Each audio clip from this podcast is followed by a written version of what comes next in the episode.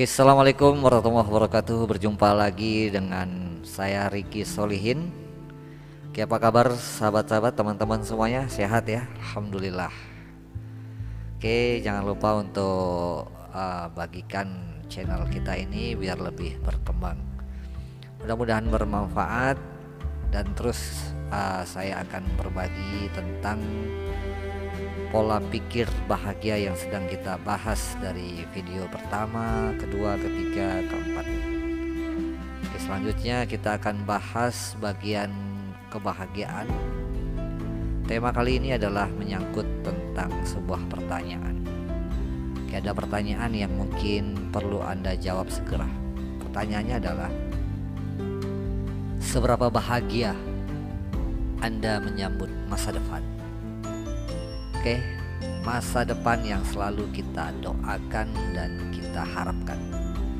Tapi ingat, kebahagiaan masa depan tergantung dari seberapa bahagia kita hari ini. Ya, jadi itu pertanyaan yang mungkin perlu kita koreksi seberapa greget ya gitu. Seberapa nyaman, seberapa optimis kita menyambut masa depan kita. Lihat kembali yang sudah kita uraikan dari pembahasan video yang pertama, kedua, dan ketiga yang kemarin, keempat. Nah, bahagia menyongsong masa depan itu akan kita gunakan untuk merasakan kebahagiaan kita hari ini. Jadi ini adalah uh, pola pikir yang selanjutnya. Jadi kita akan mengambil masa depan untuk merasakan kebahagiaan kita hari ini. yakni sikap optimis, husnuzon yang akan kita berdayakan uh, yang akan kita gunakan dalam tema berpikir kali ini. Oke, bagaimana jika kemungkinan masa depan itu tidak berhasil atau tidak sesuai harapan? Apakah pernah terlintas dalam pikiran kita saat kita merancang masa depan? Apabila pikiran ini muncul, maka sadarlah bahwa pikiran inilah yang sedang kita bahas yakni pikiran pesimis atau seuzon. Maka ini akan segera uh, kita bahas ya tentunya dengan cara menghapus atau menguburkan pikiran yang tidak memberdayakan ini. Ini pikiran yang tidak memberdayakan. Oke, masa depan itu tidak ada yang tahu, tidak ada yang pasti, tapi masa depan yang baik itu tentu harus kita doakan dan kita harapkan kita bayangkan dan kita syukuri hari ini. Ini adalah bentuk sikap optimis, sikap percaya diri dan sikap seperti inilah yang harus kita sadarkan, harus kita kembangkan. Atau ada pepatah yang mengatakan masa depan milik orang-orang yang percaya. itu dia. Ya, garis bawahi kata-kata ini, masa depan milik orang-orang yang percaya.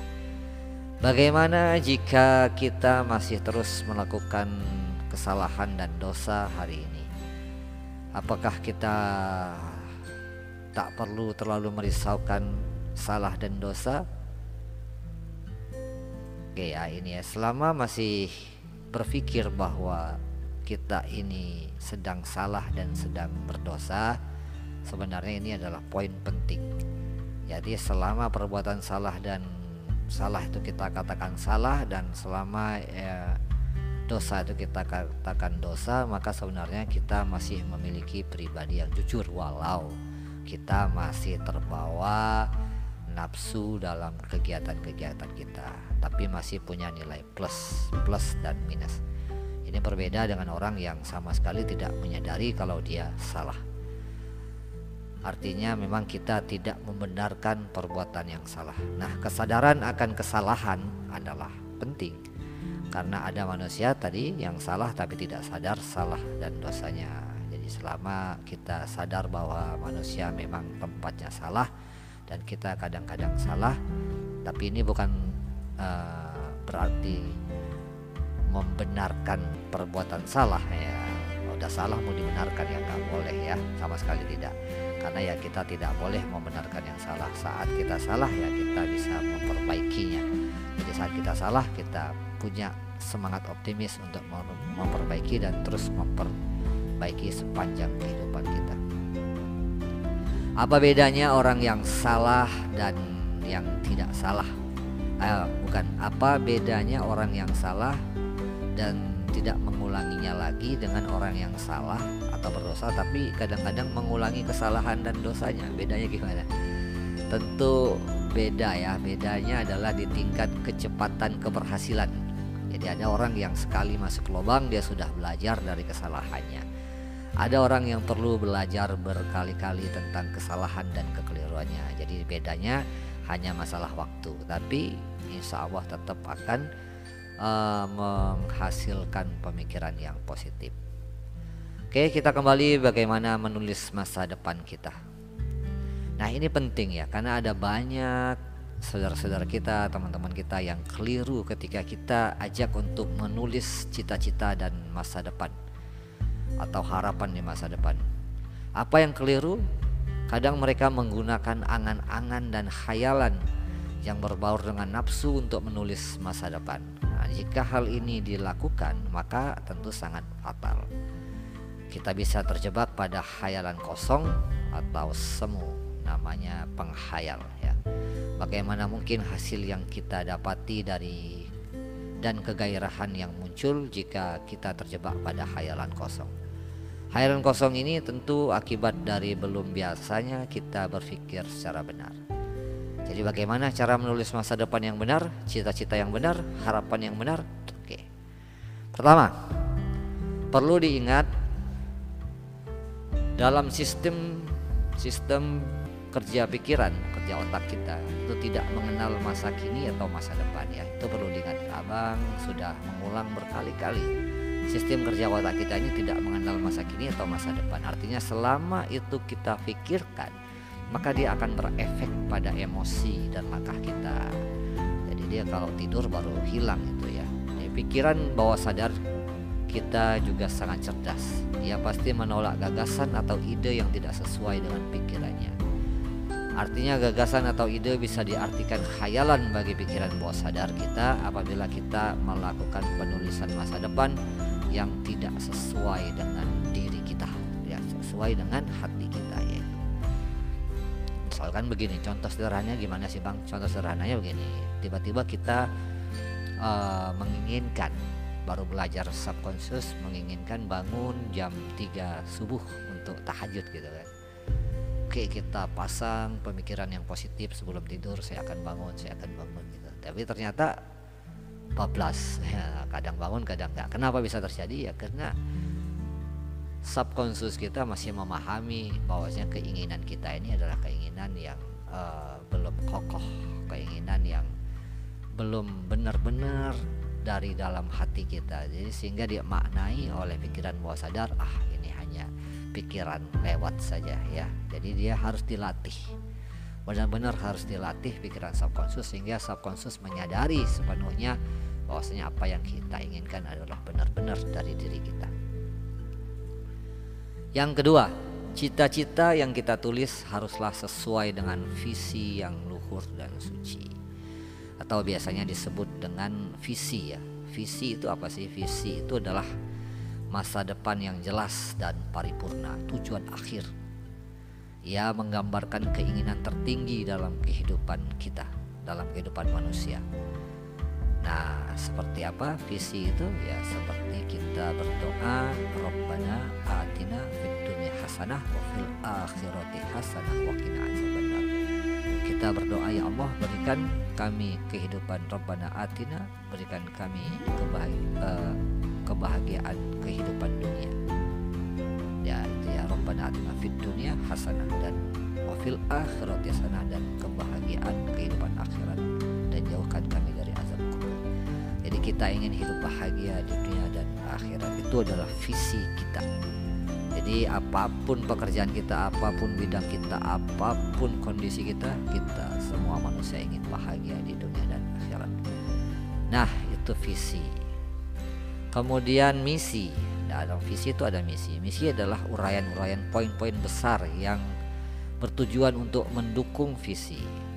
Nah, apa misinya? Jadi kita pecah lagi bahagia itu apa yang dimaksudkan bahagia ya jadi di dalam kebahagiaan itu ada lima ada kebahagiaan dalam hubungan sosial uh, lingkungan ya. Ada kebahagiaan dalam keluarga. Ada kebahagiaan di soal finansial atau keuangan. Ada kebahagiaan urusan spiritual. Ada kebahagiaan urusan kesehatan. Jadi biasanya terkait dengan lima hal ini. Misalkan kita punya hubungan asmara atau hubungan dengan seseorang berarti ini menyangkut hubungan sosial tadi ya baik dengan tetangga dengan teman atau kita punya keluarga kita juga ingin bahagia. Atau kita juga ingin punya karir punya penghasilan punya pekerjaan. Ini bahagia yang ketiga. Nah, ada bahagia yang juga bahagia spiritual. Itu bahagia bagaimana kita mendekatkan diri kita kepada sang khalik Allah Subhanahu wa taala. Dan ada juga bahagia yang menyangkut tentang kesehatan. Jadi umumnya kelima persoalan ini yang menyangkut dari uh, kehidupan manusia yang nggak jauh-jauh dari lima ini. Biasanya persoalan manusia ini terkait dengan lima hal besar. Jadi kita harus mengejar kebahagiaan itu bukan hanya dalam satu sisi. Jadi orang kalau bilang saya ingin bahagia artinya lima lima unsur ini terpenuhi. Saya ingin bahagia punya keluarga yang harmonis ya atau keluarga yang sakinah mawadah warahmah saya ingin bahagia punya tetangga punya teman punya sahabat punya lingkungan yang menyenangkan itu juga bahagia. Saya ingin bahagia dengan penghasilan kerja bisnis ataupun sebagainya karir saya itu juga bahagia. Saya ingin bahagia eh, bisa taat bisa ibadah bisa nyaman dalam uh, berhubungan dengan Allah. Ini juga kebahagiaan. Dan saya ingin bahagia bahagia itu artinya wah, sehat jasadnya sehat fisiknya oke okay, itu juga bahagia. Jadi nggak cukup hanya satu unsur. Jadi lima unsur ini yang harus terframe di dalam pikiran kita. Di saat kita mengatakan bahagia sebagai tujuan akhir maksudnya adalah bahagia dalam lima misi tersebut. Jadi menulis cita-cita itu ya misinya bukan hanya apa tujuan kamu pingin punya rumah ya. Rumah itu maksudnya apa? Rumah itu adalah maksudnya seperti sudah pernah kita jelaskan. Jadi tujuannya harus komprehensif Nah, setelah visi misi ada program-program. Apa program? Program adalah kegiatan yang punya skala waktu atau periodik tertentu untuk mewujudkan misi ya. Jadi ingin bahagia di bidang kesehatan tentu kita punya program-program diet atau program uh, membesarkan otot atau program olahraga nah, itu adalah bagian dari mendukung kebahagiaan yang terkait dengan fisik. Ada juga program misalkan program silaturahim, program uh, family gathering atau program kegiatan-kegiatan sosial kita. Nah, itu adalah mendukung kebahagiaan kita. Ada program-program spiritual kita ya, seperti kita ingin uh, terbiasa tahajud, terbiasa duha atau terbiasa kita berzikir-zikir hal-hal yang khusus. Ya, jadi ini adalah program-program. Ya, ini bisa kita ganti kalau kita sudah mencapainya pada level-level tertentu kita naiki kita terus naik dalam level-level yang lebih tinggi. Jadi program itu bisa dirubah ya bisa dievaluasi dilihat dari keberhasilan dan efektivitasnya. Misalkan ada orang yang ingin berbakti kepada orang tua kalau itu bukan visi ya itu kewajiban berbakti kepada orang tua kok dijadikan cita-cita itu mah kewajiban. Ya kalau kewajiban itu ya sudah wajib udah nggak perlu dicita-citakan lagi. Ini beda ya kadang ada yang wajib masih dicita-citakan ya. Oke. Jadi e, kalau kewajiban ya kewajiban. Saya ingin membayar hutang itu kewajiban ya. Saya ingin berbakti kepada orang tua itu kewajiban. Jadi nggak usah ditulis lagi sebagai cita-cita tapi uh, itu kewajiban. Sadari nanti kewajiban adalah hal kewajiban. Cita-cita ya di luar kewajiban. Kalau kewajiban mah harus lebih dahulu ya. Nah, kalau contohnya saya ingin mengumroh atau memberangkatkan umroh dan haji orang tua saya. Ini namanya program. Karena nggak wajib ya tapi afdol sunnah bahkan diutamakan. Nah jadi dia nggak wajib. Tapi kalau saya ingin berbakti kepada orang ini mah ini wajib nggak usah dibikin program sudah dari nafas kita hari-hari kita sudah wajib. Oke. Nah itu bisa dibedakan sehingga nanti ketika kita membuat uh, program jadi kalau apa cita-citamu? Cita-cita saya uh, ingin punya rumah atau ingin punya mobil oke. Ingin punya rumah dan mobil tuh boleh itu program namanya ya. Program membeli rumah dalam tiga tahun program membeli mobil dalam dua tahun itu program. Jadi boleh tercapai boleh juga tidak atau boleh digantikan dengan jenis-jenis yang lain. Namanya program tapi tujuannya tadi adalah kita punya tempat tinggal yang layak. Nah oke. Okay. nah ini contoh-contoh atau bentuk pemahaman tentang visi misi dan program. Maka ketika kita membuat cita-cita atau harapan untuk masa depan, kita jangan terjebak dengan program yang kita buat. Karena program itu sifatnya periodik atau bisa berubah seiring perkembangan kehidupan. Begitu juga kita jangan terjebak dengan harapan yang berbentuk barang atau materi. Kenapa? Karena barang dan materi ini sifatnya juga sementara maka kokohkan cita-cita dan harapan kita yang bisa membuat jiwa dan sifat-sifat bahagia lebih besar. Oke, jadi yang lebih penting itu adalah mengokohkan jiwa dan sifat-sifat bahagia yang ada di dalam diri kita. Jika kita sudah memiliki jiwa atau akhlak atau sifat-sifat terpuji, maka apa pun kondisi dan keadaan kita, kita akan selalu mampu bahagia Oke, saat banyak uang kita bisa tidak boros atau menggunakan untuk hal-hal yang tidak mubazir atau pada saat kita belum memiliki harta yang banyak kita tidak merasa miskin atau minder. Besar tidak menjadi sombong kecil tidak membuat kerdil. Nah gitu ya. Nah apalagi fenomena ini terakhir ada masyarakat kita di Tuban dulu yang kita lihat di media massa. Uh, dulu miliarder karena menjual tanahnya kemudian mendapatkan uang banyak membeli mobil membeli rumah dan sebagainya uh, mendadak jadi orang kaya tapi setelah setahun berlalu uangnya habis dan kembali menjadi miskin. Dan masya Allah jiwanya belum siap ya untuk menjadi kaya. Jadi kalau harta itu bisa datang dan pergi tapi kalau jiwa selalu dibawa sampai mati. Nah maka fokus kita tentu tidak kepada barang-barang tersebut tapi kita lebih mengokohkan jiwa kita. Karena apa? Kita ini kalau dibawa ke mana saja akan bisa hidup. Itu yang paling kita hidup di mana saja di bumi Allah di mana saja asal jiwa. Kita ditempatkan di posisi apa saja di dalam perusahaan. Karena kapasitas kita sudah kuat kapasitas kita sudah terus belajar jadi kita ini selalu layak ditempatkan di sifat jadi cita-cita kita. Jadi harapannya nanti ke sana. Kalau hari ini kita misalkan ritme kita masih kategori pemalas. Berarti kita minus ya karena orang yang pemalas ini tidak disukai dalam agama dalam bangsa dan negara. Jadi kita pelan-pelan harus merubah menjadi orang yang uh, semangat penuh gairah. Jadi itu karakternya kita pahami dulu. Kalau kita ini masih mudah tersinggung, masih egois berarti kita pahami. Karena orang-orang tuh nggak suka, ah, nggak ada tuh orang-orang hebat yang masih tersinggung ataupun mudah uh, hatinya atau mudah emosinya bergejolak yaitu biasanya tidak ditemukan orang-orang hebat memiliki karakter-karakter atau pribadi-pribadi yang gak hebat. Oke, coba sekarang kita ukur dulu diri kita. Ya, kita ukur dulu diri kita sendiri karena mengukur diri kita ini penting. Jadi dalam menulis cita-cita, diri kita cita karakter ya, cita-cita karakter. Jadi orang bahagia itu apa tadi?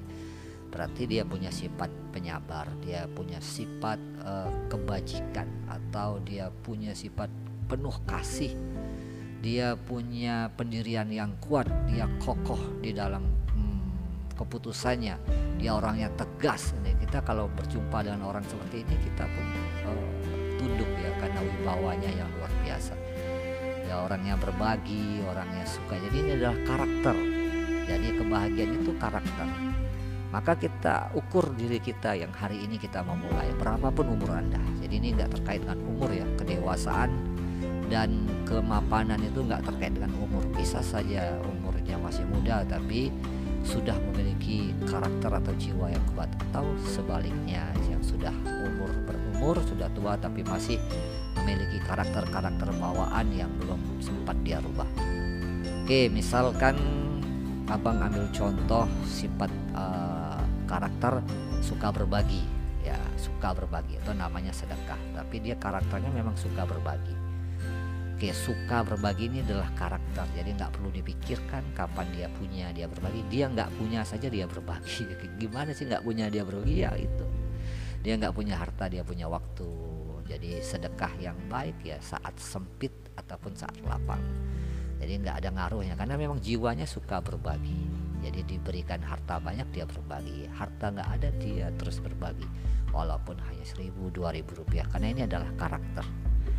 Nah sekarang coba tulis skor skor kita. Misalkan kita analisis sekarang ini karakter berbagi kita kalau 10 itu paling tinggi mungkin karakter kita hari ini di level berapa Anda boleh tulis sendiri anda merasa diri Anda suka berbagi itu seperti apa? Apakah sudah otomatis tanpa perlu dipikirkan? Anda memang sudah suka berbagi ya gitu. Jadi nah kalau kita sudah menulis skor kemudian kita tulis dalam tiga tahun ke depan, dalam lima tahun ke depan atau dalam satu tahun boleh apa karakter berbagi ini yang harus Anda kembangkan.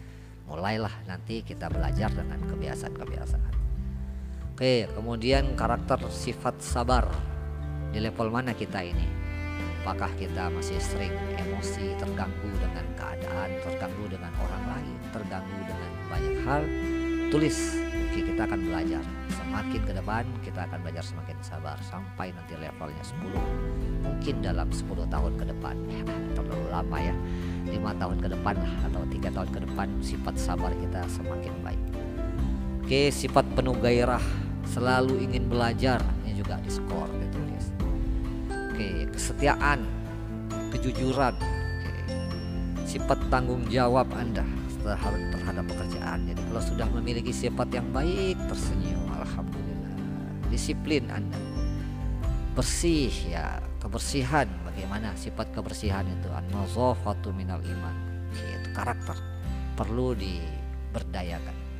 Sifat romantis. Oke seberapa romantis Anda? Oke, belajar ya. Kita juga belajar ya. Taat beribadah, kreativitas, seberapa kreatif kita menghadapi dan menyelesaikan persoalan, mencari solusi. Oke, skill-skill yang upgrade, apalagi skill upgrade kita ya, jangan bilang udah tua nggak bisa lagi mengoperasikan komputer atau sebagainya ya, upgrade skill kita. Hubungan sosial kita, tambah teman, tambah teman, tambah relasi atau seperti apa kondisinya hari ini. Oke, kita ukur dalam beberapa tahun ke depan. Nah, ini sifat suka menolong, badan kita sehat dan sebagainya. Ini adalah sifat-sifat atau karakter yang nanti kalau dia sempurna di level-level tertinggi, dia akan menjadi manusia yang berakhlakul karimah atau insan kamil. Inilah manusia yang paling bahagia. Oke jadi bukan punya uang bukan punya mobil itu mah fasilitas sama alat aja. Jangan tujuan. Alat ya jadi alat ya alat tuh boleh berbagai macam boleh 10 kita punya alat boleh tapi itu bukan standar bahagia kita jadi standar bahagia itu bukan punya mobil 5 rumah 10 enggak jadi standar bahagia itu ada di dalam jiwa kita. Kita tidak tergantung dengan alat-alat kita atau kita tidak tergantung dengan make up make up kita. Nah, ini perlu dilatih dan perlu direncanakan. Jadi, rencana masa depan itu adalah menulisnya seperti. Sehingga benar-benar orang yang paling bahagia itu ketika kita melihat kita melihat orang yang bahagia aja udah bahagia. Gimana dia bisa sabar, tekun, tenang, kalem, kemudian penuh gairah, semangat, tegas, visioner, bertanggung jawab. Ini karakter loh yang kita harapkan dan ini adalah karakter-karakter seorang pemimpin, karakter-karakter yang memang dicari-cari oleh orang dan ini nggak bisa dibeli di warung-warung ya. Bisa nggak kita beli karakter uh, karakter tanggung jawab dibeli nggak bisa dilatih dan ini harus benar-benar dilatih. Oke. Kalau kita punya komunitas atau punya teman untuk berlatih alhamdulillah kalau kita punya guru lebih baik oke jadi sekarang ini bisa kita berlatih uh, banyak ya banyak tempat untuk kita bisa berlatih apalagi di dunia sekarang banyak sekali video-video dan audio-audio motivator yang bisa kita gunakan untuk kita berlatih. Jadi fokus pada tujuan dan cita-cita kita sehingga ketika kita membayangkan memiliki karakter-karakter baik dengan kualitas tinggi maka kehidupan kita akan terus bertambah bahagia apa pun kondisi sosial politik ekonomi wah apa pun kondisinya kita tetap bisa bertahan oke teman-teman yang berbahagia. Nah tambah mantap dong ya dengan tambah yakin gak kita dengan tujuan kita? Oke ya kita tentu harus tambah yakin dengan tujuan kita harapan-harapan kita. Karena kita sudah mulai nih membenahi pola pikir kita. Oke mulailah kita mengerjakan program-program kita dengan penuh gairah ya ditulis ya ditulis ditulis kondisi terkini dan harapan-harapan terbesar kita. Ya harapan-harapan terbesar dan tentunya ketika kita sudah berazam bertawakal ingat Faiza azamta fatawakal Allah. Kalau kamu udah punya tekad udah punya keinginan oke pasrahkan tawakal kita kepada Allah subhanahu wa ta'ala.